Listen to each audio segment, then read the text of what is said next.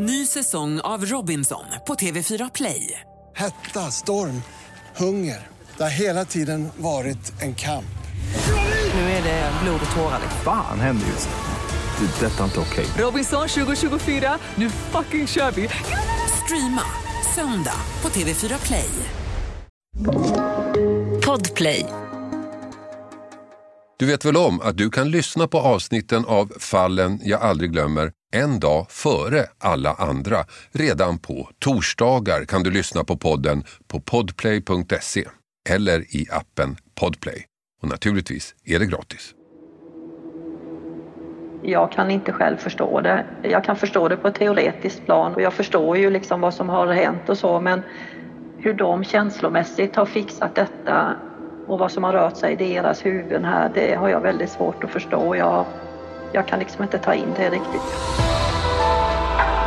Man kan nästan tro att det är film ibland, men det är på riktigt och just att man vet att det får sådana konsekvenser som det kommer få.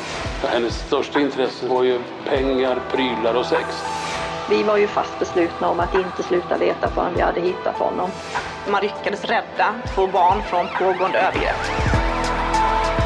Springer de här misstänkta in i skogen och gör sig av med i stort sett alla sina kläder. Fallen jag aldrig glömmer. Podden som inte handlar om förövarna, som inte handlar om brottsoffer, utan som handlar om de som gjorde sitt jobb och löste brotten. Styckmordet i Karlskrona.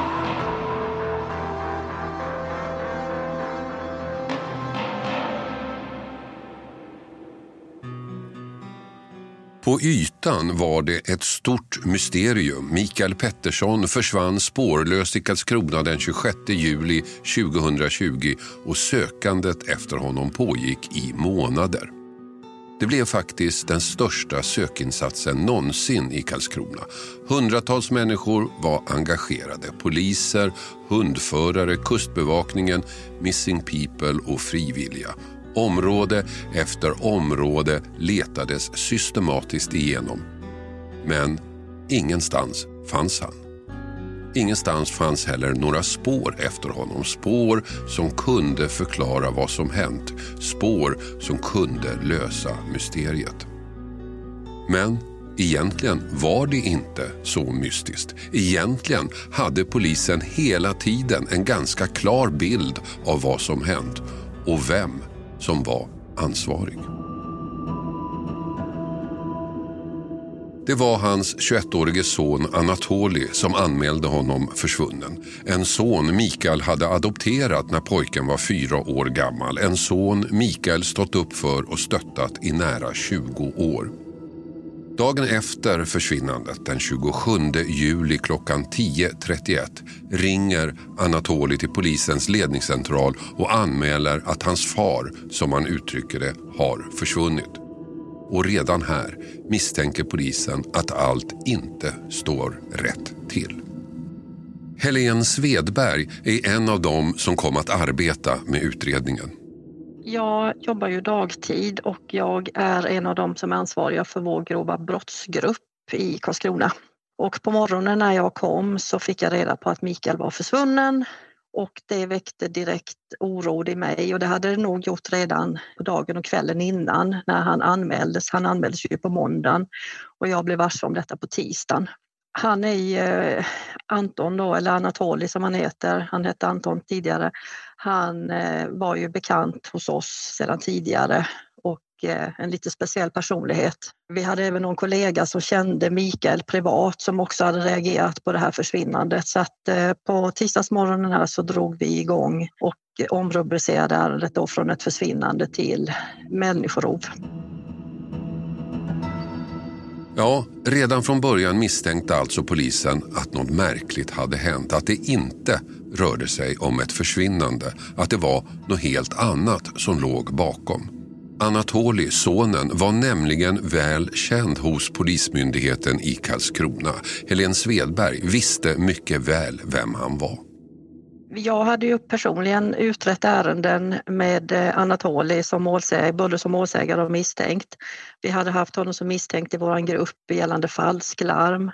Han hade eh, anmält sina föräldrar för övergrepp och misshandel och sådana saker sedan tidigare och eh, han var en sån person som man kom ihåg och som man direkt då hade lite Eh, misstänksamhet mot. Man kunde inte riktigt lita alltid på det han sa och vad som, vad som säga var rätt och fel. Anatoli hade vid flera tillfällen anmält sina föräldrar för olika sorters övergrepp. Anmälningar som visade sig vara falska. Han levde i en värld med vanföreställningar. Han ljög friskt om sitt liv. Han överdrev gärna sin betydelse i olika sammanhang. Allt det här hade polisen fått fram när man utrett hans tidigare anmälningar. Så nu när han ringde in och anmälde sin pappa försvunnen ringde alla varningsklockor. Det här var en person att inte lita på. Alltså vi fick ju inte tillgång till det larmsamtalet förrän lite senare. Det var ju en av de här sakerna som vi begärde in. Men han eh, ringde ju in och anmälde Mikael försvunnen och eh, det var väl egentligen inget konstigt med det utan det var väl mer våran kännedom om familjen som gjorde att vi reagerade. Och det var väl också en av anledningarna till att vi då tog in honom på ett vittnesförhör som vi också då spelar in på video. Det är ju inte normalt att vi förhör vittnen via video annars, men vi kände att vi ville göra så mycket rätt som möjligt och ha så mycket dokumentation som möjligt från början på ett sätt för att vi förstod att här låg någonting annat bakom.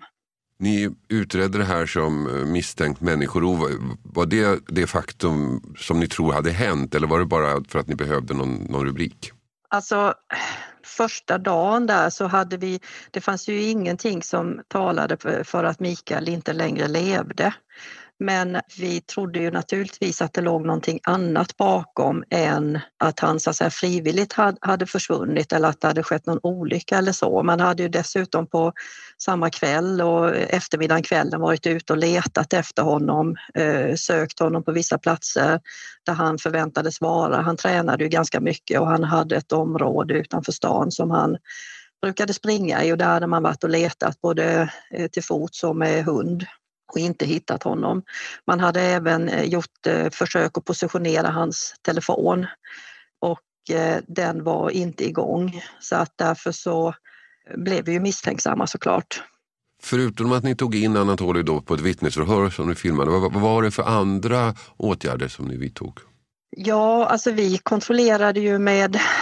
Mikael hade ju under en tid bott hemma hos Anatolis mamma det hade han gjort för att Anatoli då skulle få bo själv i lägenheten ett tag. Eh, Anatoli hade ju bott tillsammans med Mikael i den här lägenheten innan. Så att eh, vi pratade ju med Anatolis mamma. Vi eh, kontaktade hans arbetsplats och, och det var ju ingen som hade sett av honom. Första förhöret med Anatoli var till det yttre ett vanligt vittnesförhör. Han hade anmält sin pappa försvunnen och nu hördes han alltså om den anmälan. När såg han sin pappa sist? Hade han någon egen uppfattning om var pappan tagit vägen? Helt vanliga frågor till ett vittne. Anatoli berättade att pappan varit hemma hos honom en kort stund på kvällen och sen gått därifrån och det var det sista han såg av honom. När förhöret var klart släpptes Anatoli och kunde åka hem. Men efter det gick det fort. Eftersom misstankarna redan fanns där agerade utredarna inte utifrån att det var ett vanligt försvinnande utan som om något annat, något allvarligt, hade hänt. Man kontaktade alla i Mikael Petterssons närhet och uppgifterna som kom fram var både märkliga och oroande. För det första kunde ingen se någon som helst anledning till att han skulle försvinna frivilligt. För det andra det fanns en konflikt, ett bråk med sonen Anatoli. Anatoli hade blivit av med sin lägenhet så just nu fick han bo i pappans som i sin tur flyttade ut. Det var en tillfällig lösning menade pappan. Men sonen gjorde ingenting för att lösa sitt boende, tvärtom. Han lät sin pojkvän Leonard flytta in och bli sambo med honom. Nu hade pappan satt en gräns för när han ville ha tillbaka sin bostad. Men det var inte den enda konflikten. Pappan hade också satsat pengar i de två killarnas verksamhet. Ett operacafé som de två startat. Båda var nämligen väldigt operaintresserade. Men kaféet gick dåligt, för att inte säga uselt. Så pappans pengar försvann. Uppgifterna om bråken var naturligtvis högintressanta för utredarna och stärkte misstankarna att Anatoli hade något med försvinnandet att göra. Misstankarna som blev ännu starkare när polisens tekniker undersökte lägenheten, den lägenhet Mikael ville ha tillbaka.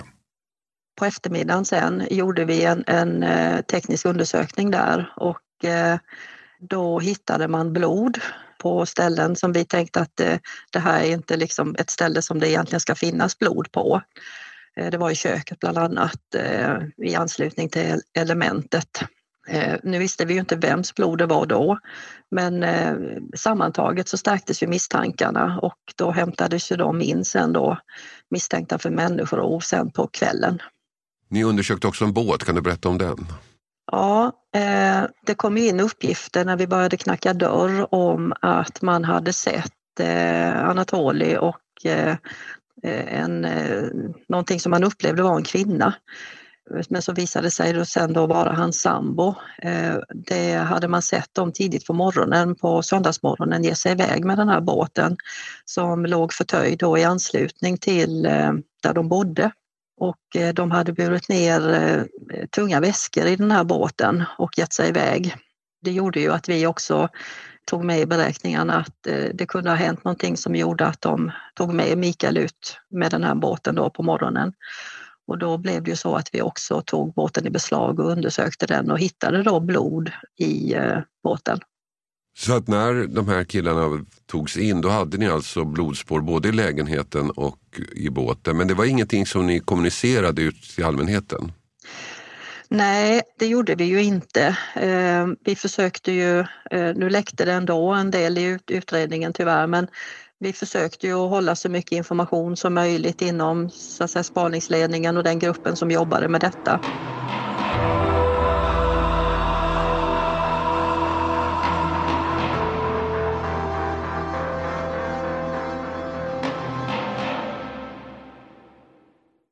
Den här veckan har vi ett betalt samarbete med Hello Fresh. Världens ledande leverantör av matkassar hem till dig.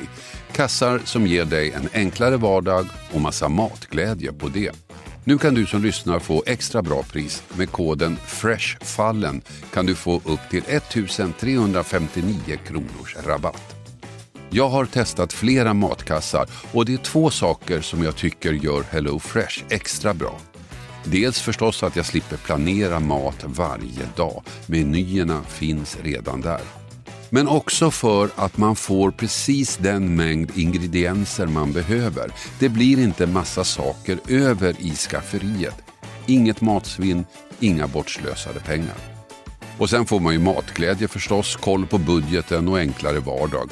Och också möjligheten att testa nya smaker med recept från hela världen. Allt är väldigt enkelt att laga, instruktionerna är glasklara. Så vill du få en enklare vardag, minska matsvinnet och testa nya spännande smaker. Gå in då på hellofresh.se och använd koden FRESHFALLEN. Den ger dig upp till 1359 kronors rabatt på dina fem första kassar plus fri frakt på första matkassen om du inte provat HelloFresh förut. Har du varit kund tidigare kan du också använda koden om du avslutat ditt abonnemang för 12 månader sedan eller längre. Tack HelloFresh! Den här veckan har vi ett betalt samarbete med Tre, ni vet teleoperatören. Den jag själv har faktiskt och är väldigt nöjd med. Men det är många som tror att Tre inte har särskilt hög täckningsgrad, vilket är fel. Och så är det ju faktiskt med mycket vi tror oss veta. Att det vi tror är sant kan vara falskt och det vi tror är falskt kan visa sig vara sant. Jag hade faktiskt ett telefonsamtal med en kompis för inte så länge sedan, via tre då förstås. Och vi snackade om myter. Och jag tycker mig ha koll på sånt, vad som är sant och vad som är falskt. Men det är inte alltid så lätt. Till exempel berättade min kompis, ni vet om myten att svalor flyger lägre när det ska bli dåligt väder. Falskt sa jag, men det visade sig vara helt sant. Och så det här att man, om man duschar varmt på sommaren så blir man svalare. Det trodde jag inte heller på, men det visade sig också vara sant. Så det blev lite en aha-upplevelse för mig. Men så pratar vi om vår gemensamma operatör. Ja, de har ju väldigt bra täckning, sa han. Och där visste jag att han har rätt. Han visste att tre har byggt ut och nu har väldigt stor täckning. Men det är inte alla som vet. Och ibland är det inte riktigt som man tror. Sanningen är att tre nu täcker otroliga 99,3 procent av Sveriges befolkning och det avser rösttäckning baserat på folkbokföringsadress. Så läs mer på 3.se om hur de bygger ut sitt nät och täckning. Tack 3. Ny säsong av Robinson på TV4 Play. Hetta, storm, hunger. Det har hela tiden varit en kamp. Nu är det blod och tårar. Fan händer just det. Det är detta inte okej. Robinson 2024, nu fucking kör vi! Streama söndag på TV4 Play. Ett poddtips från Podplay. I podden Något Kaiko garanterar östgötarna Brutti och jag, Davva, dig en stor dos skratt. Där följer jag pladask för köttätandet igen. Man är lite som en jävla vampyr. Man har fått lite blodsmak och då måste man ha mer. Udda spaningar, fängslande anekdoter och en och annan arg rant. Jag måste ha mitt kaffe på morgonen för annars är jag ingen trevlig människa. Då är du ingen trevlig människa, punkt. Något Kaiko, hör du på Podplay. Därför är gardinerna.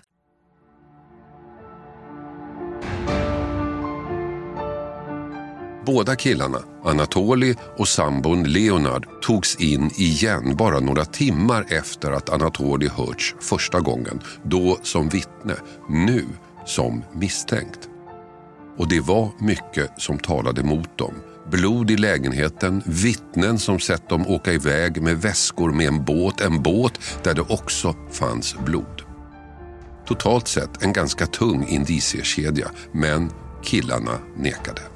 Alltså från början så höll de ju kvar vid den här berättelsen som hade kommit eh, från Anatoli redan när han ringde larmsamtalet att eh, Mikael hade kommit hem till dem på lördagskvällen. De skulle diskutera någonting om det här kaféet som de drev. Han var stressad och hade gett sig iväg ganska eh, direkt efter det han kom. Han hade bara stannat en liten stund. Och sen visste ingen vart han hade tagit vägen. Under den här perioden då men sökandes pågick och att eh, de här killarna nekade, kom det fram ytterligare detaljer som stärkte er uppfattning att något allvarligt hade hänt? Ja, det gjorde det ju. Alltså det kom ju fram. Eh, vi hade ju då, eh, som jag sa, vittnesiakttagelser från när de gav sig ut med båten. Eh, vi fick ju reda på konflikter som hade funnits mellan Anatoli och eh, Mikael. Eh, Mikael hade uppgett att eh, han tyckte att eh, sambon då till Anatoli skulle flytta ut eh, inom augusti. De fick till augusti på sig. Eh, det fanns även uppgifter kring ekonomi och eh, sådana saker som gjorde att motivbilden var ganska, alltså det fanns många motiv och anledningar till varför man skulle ta livet av Mikael. Vad trodde ni hade hänt då i det här läget? Ja, vad vi trodde. Alltså, man hoppas ju alltid att man ska få ett eh, lyckat resultat och att Mikael skulle dyka upp. Det fanns ju hela tiden en sån förhoppning men i takt med att både timmar och dagar gick så blev vi ju mer och mer i tron att eh, det hade hänt något allvarligt. Eh, vi diskuterade i termer om att han kanske inte längre levde. Det här faktum att eh, han så att säga bara gick upp i rök efter att ha besökt eh, pojkarna då på lördagskvällen vid 20 och hans bil stod kvar utanför på morgonen eh, och han var så att säga eh, som uppslukad av jorden. Eh, det gjorde ju att vi hade ju många varianter på eller tankar kring eh, vad som kunde ha hänt och eh, framförallt då vad, vad pojkarna hade gjort med honom. Med killarna i säkert förvar i häktet fortsatte sökandet dag in och dag ut i månader. Den största sökinsatsen i Karlskronas historia alltså. Nu var det ju vår spaningsledare som höll mest i trådarna där. Jag var inte själv operativt involverad i den men jag fick ju information. Vi hade ju eh, dagligen möten kring vad som hände och eh, det drogs igång en stor sökoperation till havs och det var eh, ett yttre befäl som, som skötte den delen där. Och vi hade även då hjälp från Kustbevakningen, vi hade hjälp från Försvarsmakten med deras Eh, båtar och personal. Eh, och vi letade och vi hade hundar ute, polishundar, som markerade väldigt tydligt oberoende av varandra i ett område i skärgården, utanför skärgården. Och det här var ju också ett område som vi förstod att Anatoli var väl bevandrad i.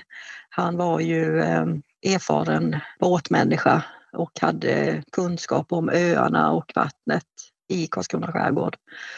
Och så länge hundarna eh, markerade och vi testade av det med jämna mellanrum så var vi fast beslutna att inte avsluta någon sökoperation förrän vi hade kommit fram till vad det var som hundarna markerade. Det måste ändå för er då vara ganska frustrerande att ni å ena sidan har de här killarna som vidhåller en historia som ni inte tror på och att ni inte hittar någonting trots att sökinsatsen är så omfattande. Det måste ha varit väldigt frustrerande. Ja men det är klart att det är och samtidigt så vet vi ju också att eh, tiden talar ju till vår fördel samtidigt. Vi, eh, de satt där de satt, de var ju häktade och eh, vi fortsatte leta och vi fortsatte utreda. Vi, eh, vi var ju fast beslutna att vi skulle få en lösning på detta. Men ingen kropp hittades. Mikael Pettersson var borta. Frågan var om han någonsin skulle hittas. Utredare, spaningsledare och åklagare var övertygade. De två killarna hade mördat pappan och gömt hans kropp. En kropp som inte kunde hittas.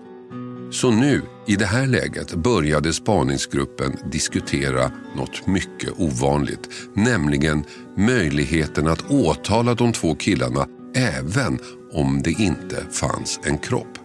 En ganska riskfylld åtgärd, men chansen att få dem fällda utan kropp fanns där. Vi tyckte att vi hade så pass och vi jobbade mot att få till ett åtal utan att vi hittade kroppen.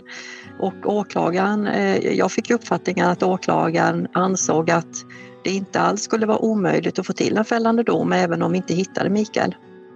Men så långt behövde det inte gå. För i oktober, tre månader efter att Mikael Pettersson försvunnit, vänder allt. Det som såg ut att bli ännu en resultatlös dag i utredningen blev istället dagen då allt tog en ny vändning. Dagen då sanningen kom fram. I tre månader hade de två killarna suttit häktade och långsamt hade det gått upp för en av dem, nämligen sambon Leonard, att han blivit lurad att den verklighet som målats upp för honom inte var sann. Så nu, efter all tid i cellen, fattade han ett beslut. Han skulle berätta. Alltså de här förhören som hölls och med de uppgifterna som framkom så förstod vi ju att eh, Anatoli hade fått sin sambo att tro att Mikael var ett stort hot mot dem att Mikael var farlig. Det var många olika lögner som vi kunde visa för sambon att eh, det här stämmer inte. Eh, och han började ju eh, under förhörens gång och med tiden där förstå att han hade nog blivit förd bakom ljuset. Den här lojaliteten som han kände mot eh, Anatoli från början, den märkte ju vi då efterhand att den, den eh, luckrades ju upp. Och Eh, sen till slut då så ringer man till eh, en av våra förhörsledare och begär ett nytt förhör. Och då förstod vi att nu är det någonting på gång och mycket riktigt, då kom det ju en berättelse i slutet på oktober. Han berättade ju var Mikael fanns, han berättade exakt vad som hade hänt.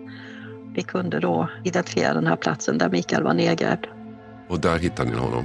Ja, eh, vi åkte ju ut eh, samma dag på eftermiddagen, fick hjälp av Kustbevakningen att komma ut till platsen och kunde då eh, hitta den här platsen som man hade beskrivit väl. Och den avspärrades av över helgen och sen på måndag morgonen då så började våra tekniker att undersöka den här platsen och då hittade man Mikael precis så som man hade beskrivit i förhöret. Hur tänkte du då när du fick besked om att kroppen fanns där? Alltså det var ju en stor lättnad av många anledningar. Eh, framförallt kan jag tycka att det var, måste, alltså vi kände ju en lättnad inför de anhöriga. Eh, för de var ju otroligt oroliga över vad som hade hänt och det var, en, eh, det var ju svårt att berätta detta såklart men samtidigt en, en lättnad att de fick ett besked och en förklaring. Sen var det också skönt för förundersökningen. Det var skönt för oss, eh, hela gruppen som hade jobbat med detta, att till slut att vi hade så att säga kommit fram till det vi hade börjat jobba med redan på sommaren. Att vi hade fått, fått svaret. Det svaret vi visste fanns men som vi inte hade så att säga kommit fram till förrän då han erkände detta. Så där fick polisen hela berättelsen, men också platsen för var kroppen fanns nedgrävd. Och det visade sig vara en plats som faktiskt genomsökts tidigare utan resultat. Det stämmer, vi hade ju en, en vecka eh, där vi gjorde en stor insats där tillsammans med Kustbevakning och Försvarsmakten och Missing People var också med. Och Varö då som var den ön som Mikael var nedgrävd på låg ju i det här området som hundarna hade eh, markerat. Och då eh, fick Missing People inte bara Varö, de var ju på många öar och gick. Och de fick då eh, bland annat Varö och då sökte man från norr och från söder. Och när klockan var fyra på eftermiddagen då så var det mörkt och man skulle avsluta avsöket. Och den del som man inte hade sökt av än då, det var ju där Mikael låg. Den berättelse sambon gav var en berättelse byggd på rädsla och manipulation. Anatoli hade målat upp en bild av sin pappa som farlig, som ute efter dem, som en man med många kontakter inom mäktiga organisationer. Därför måste han bort. Det var pappan eller dem helt enkelt. Och den här bilden köpte sambon helt och hållet. I hans värld var de tvungna att agera, annars skulle de själva råka illa ut. Det var först under den långa häktningstiden han började förstå att den här bilden av pappan inte stämde. Att Anatoli lurat honom, att han blivit manipulerad.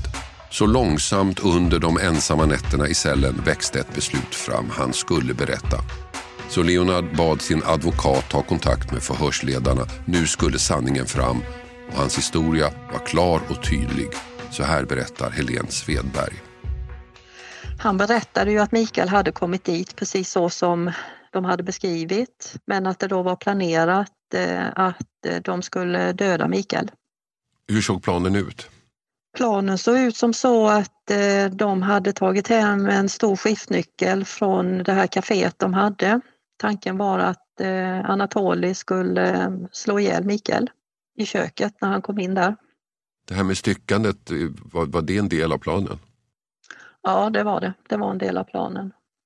Och eh, där eh, berättade då sambon att eh, han själv skulle inte kunna utföra så att säga själva dödandet. Däremot så kunde han nog tänka sig att utföra själva styckningen så då, det hade man delat upp det på det sättet mellan sig. Men det här låter ju fullständigt absurt för att i, i grunden pratar vi om två unga killar. Mm. Och sen ändå kan utföra en sån här bestialisk gärning. Reagerar inte du också på det?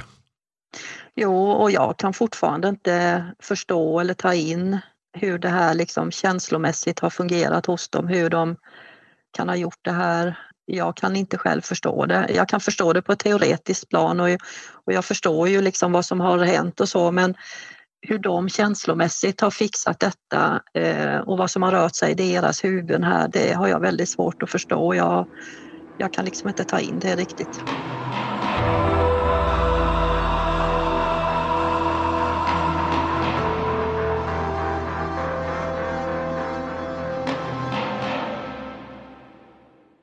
Ny säsong av Robinson på TV4 Play.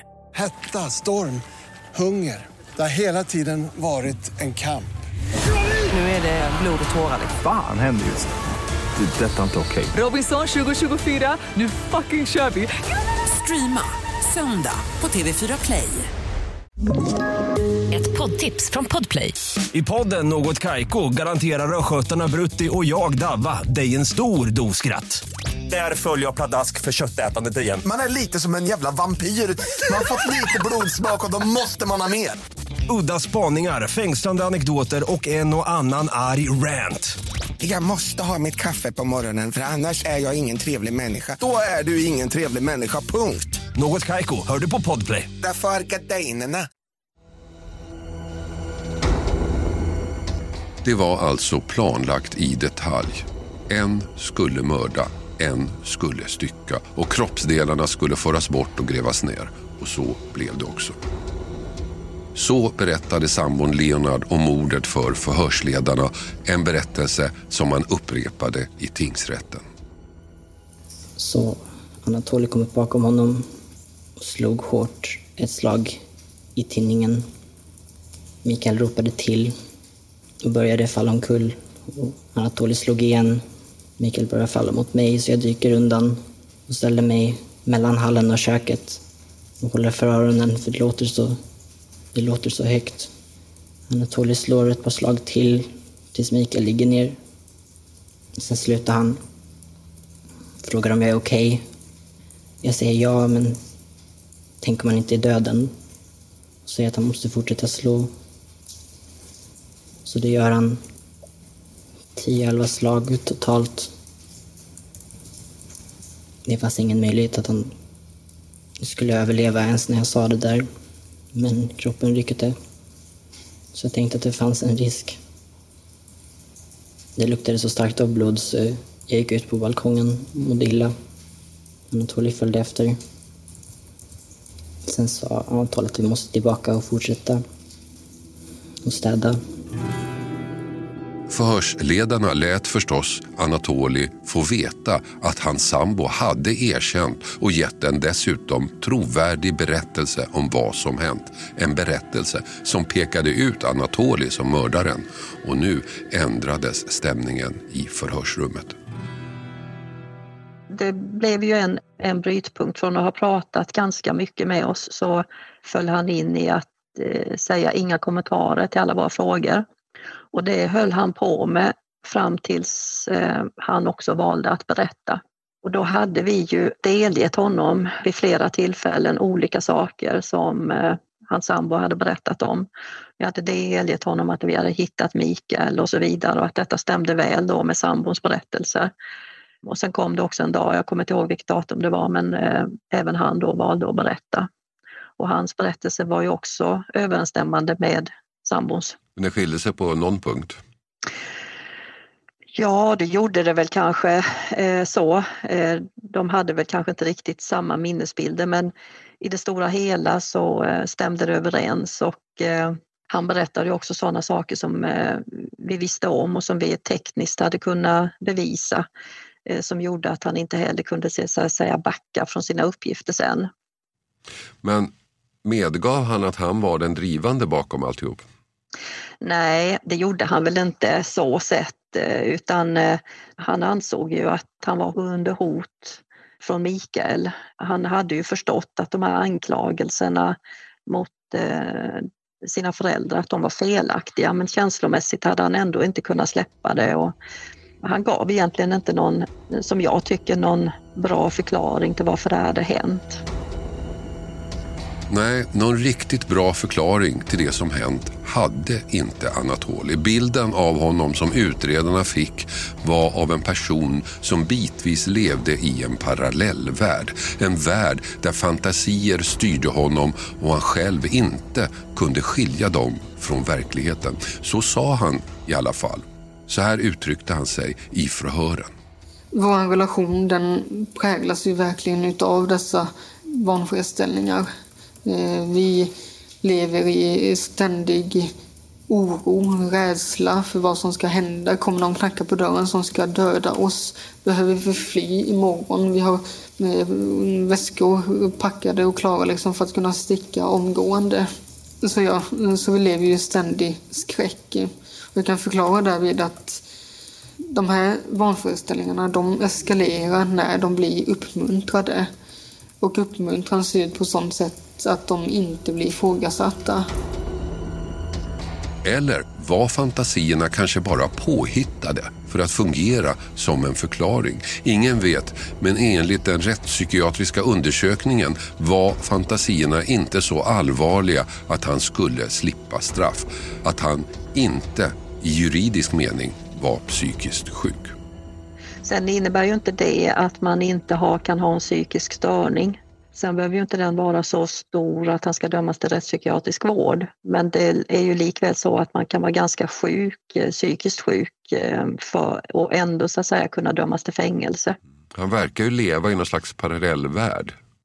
Ja, och det såg han nog själv också att det var så på ett visst sätt. Ehm, det kan man ju se i förhören med, med honom att han nog eh, var medveten om detta.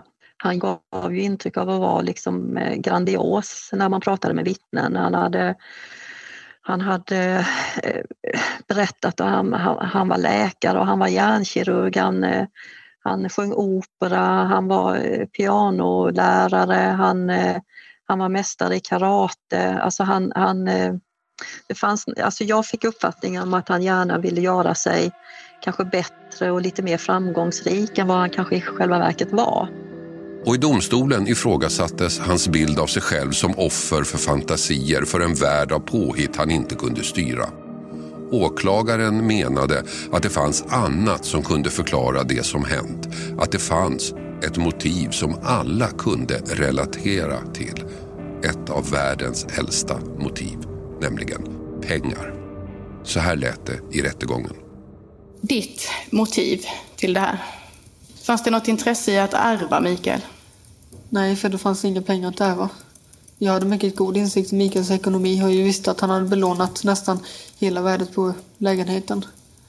Den 27 juli, alltså efter gärning, så finns det en sökning på eh, dödförklaring hos Skatteverket i din telefon. Ja. Vem har gjort den?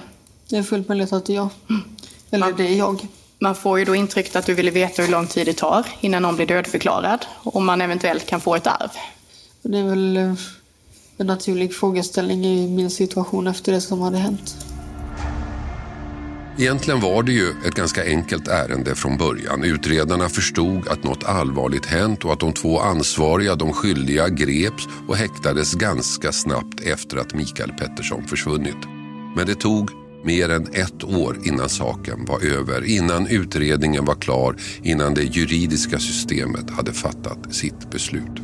Först i tingsrätten där de två befanns skyldiga. Anatoly fick livstid. Leonard 18 år, lite lägre straff för att han hjälpt polisen. Båda överklagade till hovrätten och ville ha lägre straff. Men det misslyckades. Hovrätten fastställde livstidsdomen för Anatoli och skärpte straffet för Leonard. Rätten tog ingen hänsyn till att han hjälpt utredarna utan gav även honom livstidsfängelse. Båda överklagade en gång till, nu till Högsta domstolen som sa nej till att ta upp ärendet, ett beslut som egentligen inte var särskilt överraskande. Så nu, ett och ett halvt år senare, står det klart vad som hände. Men fortfarande inte varför. En fråga vi nog inte kommer att få ett svar på. För Helene Svedberg blev det en utredning hon aldrig kommer att glömma. Jag tycker ju att det här är så, alltså det här är så onödigt eh, att det här hände och jag lider med de anhöriga. Sen kan jag ju inte förneka att det här har varit ett ärende som ur polisiär vinkel har varit eh, ett intressant och, och eh, tillfredsställande ärende att jobba med. Man har lärt sig mycket på det. Eh, sen kan jag fortfarande, som jag sa innan, jag kan fortfarande inte riktigt förstå vad det är som har hänt. Jag har svårt att ta till mig själv känslomässigt vad det är som har faktiskt hänt i lägenheten den här kvällen och natten. Det här blev ju ett av de absolut mest uppmärksammade ärenden som ni överhuvudtaget har utrett hos er vad jag förstår. Ja, så är det nog. Tvivlade du någonsin på att ni skulle klara det här? Nej, faktiskt inte. Det är klart att när tiden gick Eh, vi letade oförtrutet eh, i skärgården. Det är enorma mängder vatten och ytor som ska sökas igenom. Och eh, Kustbevakningen hjälpte ju till väldigt mycket men hade ju också sina begränsade resurser. Så vistas ibland så eh, fick man väl tanken, undrar om vi någonsin kommer hitta honom. Men samtidigt hundarna markerade, vi visste att han fanns där någonstans och eh, vi var ju fast beslutna om att inte sluta leta förrän vi hade hittat honom. Så här efteråt, fanns det någonting som du tycker att ni kunde ha gjort annorlunda? Ja, alltså i små detaljer kanske så. Men i det stora hela så är jag otroligt stolt över det arbetet som polisen har utfört. Eh, vi var ju kanske upp mot 25, 30, 40 man bitvis som jobbade med detta. Vi gjorde dörrknackningsförhör. Jag tror vi hade hållit ungefär 650 förhör sammanlagt. Alltså vi har ju lagt ner otroligt mycket resurser och alla har jobbat fantastiskt bra och oförtrutet. Eh, och vi har haft liksom en bra spaningsledning, bra åklagare. Jag är otroligt stolt över det arbetet som vi har utfört faktiskt, det måste jag säga. Själv tycker jag att det här är ett av de märkligaste fallen jag någonsin hört talas om. Jag kan inte sluta tänka på Anatoli, fyra år, som får nya föräldrar beredda att ge honom den framtid han inte kunde få i Ryssland. Två föräldrar som tar emot honom med kärlek. En pappa som äntligen får en son. En son som 18 år senare slår ihjäl honom. Det är lite för mycket att ta in.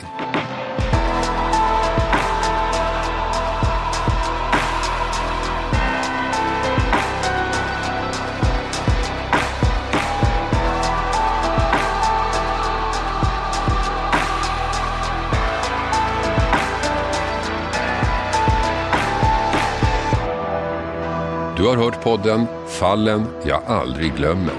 Klippning David Davva Persson. Och jag heter Hasse Aro.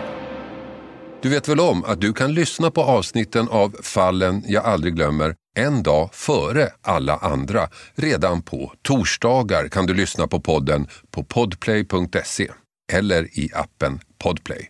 Och naturligtvis är det gratis. Podplay, en del av Ny säsong av Robinson på TV4 Play. Hetta, storm, hunger. Det har hela tiden varit en kamp. Nu är det blod och tårar. Fan händer just nu. Det. är Detta är inte okej. Robinson 2024, nu fucking kör vi! Streama söndag på TV4 Play.